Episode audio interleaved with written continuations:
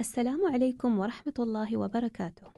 تزهو المجالس عندما يطيب الحديث، وترقى المسامع عندما تزيد المعارف. وبين المعرفة والحديث الطيب مواضيع تأخذنا لنتحدث مع التنمية الأسرية وفروعها.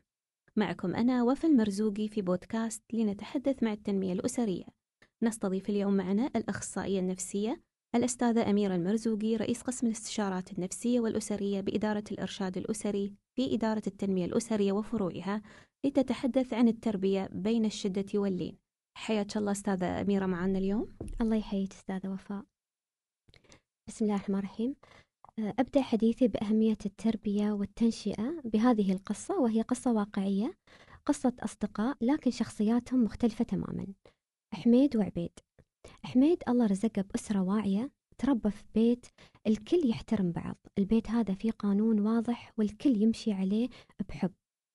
حميد حصل تشجيع بشكل مستمر يسمع المدح والثناء على أي سلوك إيجابي في محيط الأسرة. الأم تهتم فيه كشخص له مشاعره المستقلة وشخصيته المستقلة وأحاسيسه ورأيه الخاص. لما حميد يرجع من المدرسة الأم تسأله عن يومه وتهتم بالتفاصيل البسيطة. طبعا مع التواصل البصري ولغة الجسد الواضحة بالاهتمام والحب. حميد كأي طفل يغلط ويخطأ لكن الأم تحاوره وتوجهه بأسلوب حاني ما تعاقبه قبل ما تعطيه فرصة وتسمعه. كبر حميد وبدت ملامح شخصيته المتميزة تبرز. يسمع المدح من المحيطين فيه ويحصل على تكريم مستمر من المدرسة. تخرج حميد وتم تكريمه على مستوى الإمارة. أما ولدنا عبيد أمه وأبوه وايد حريصين أن يربون ولدهم تربية مثالية وينشئون شخصية كمالية. كان يخاف أنه يغلط لأنه كان يعاقب بقسوة على أي غلط ممكن يلجأ له. وحتى كان يخاف أنه يعبر عن رأيه أو مشاعره وإذا تم سؤاله كان يتأتأ ويبكي على طول لأن أبوه كان يستعمل معاه أسلوب أن أنت ريال ولا تصيح أو الريال ما تأثر وخليك جامد وقوي وغيره من أساليب التوبيخ اللي نعتبره غلط علميا ونفسيا.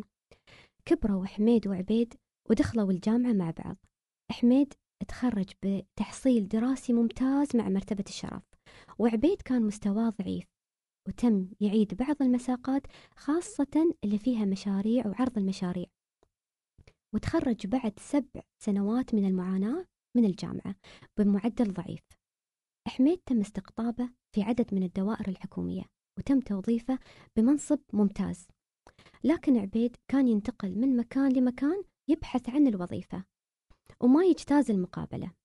واليوم حميد من الشخصيات المؤثرة على المستوى الاجتماعي والعلمي وله مكانة مرموقة وكون أسرة متماسكة قوية اجتماعيا ونفسيا وتربويا.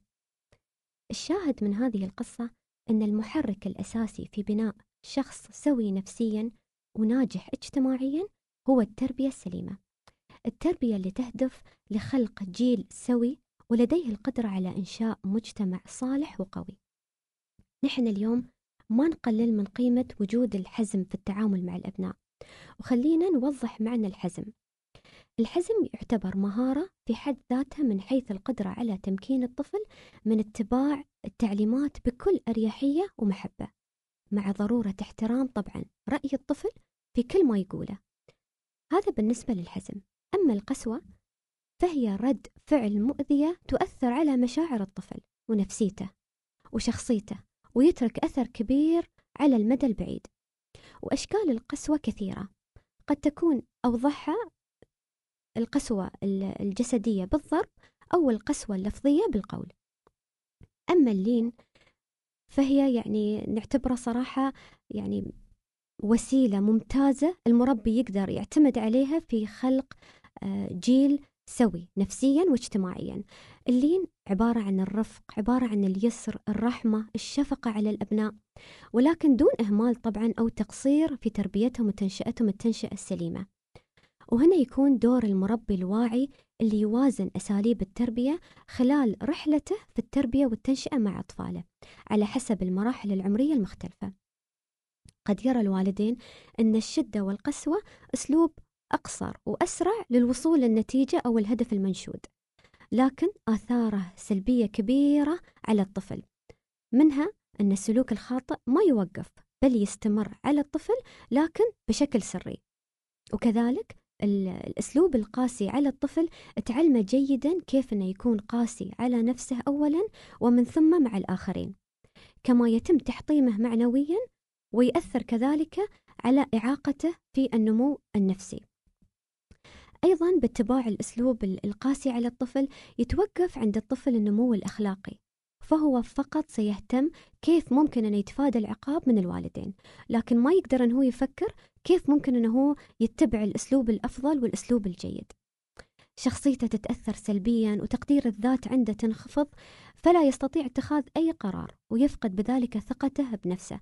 وقد تظهر عليه مشكلات في النطق والتأتأة وكذلك قد تظهر عليه سلوك التبول اللا إرادي وغيرها من الأعراض.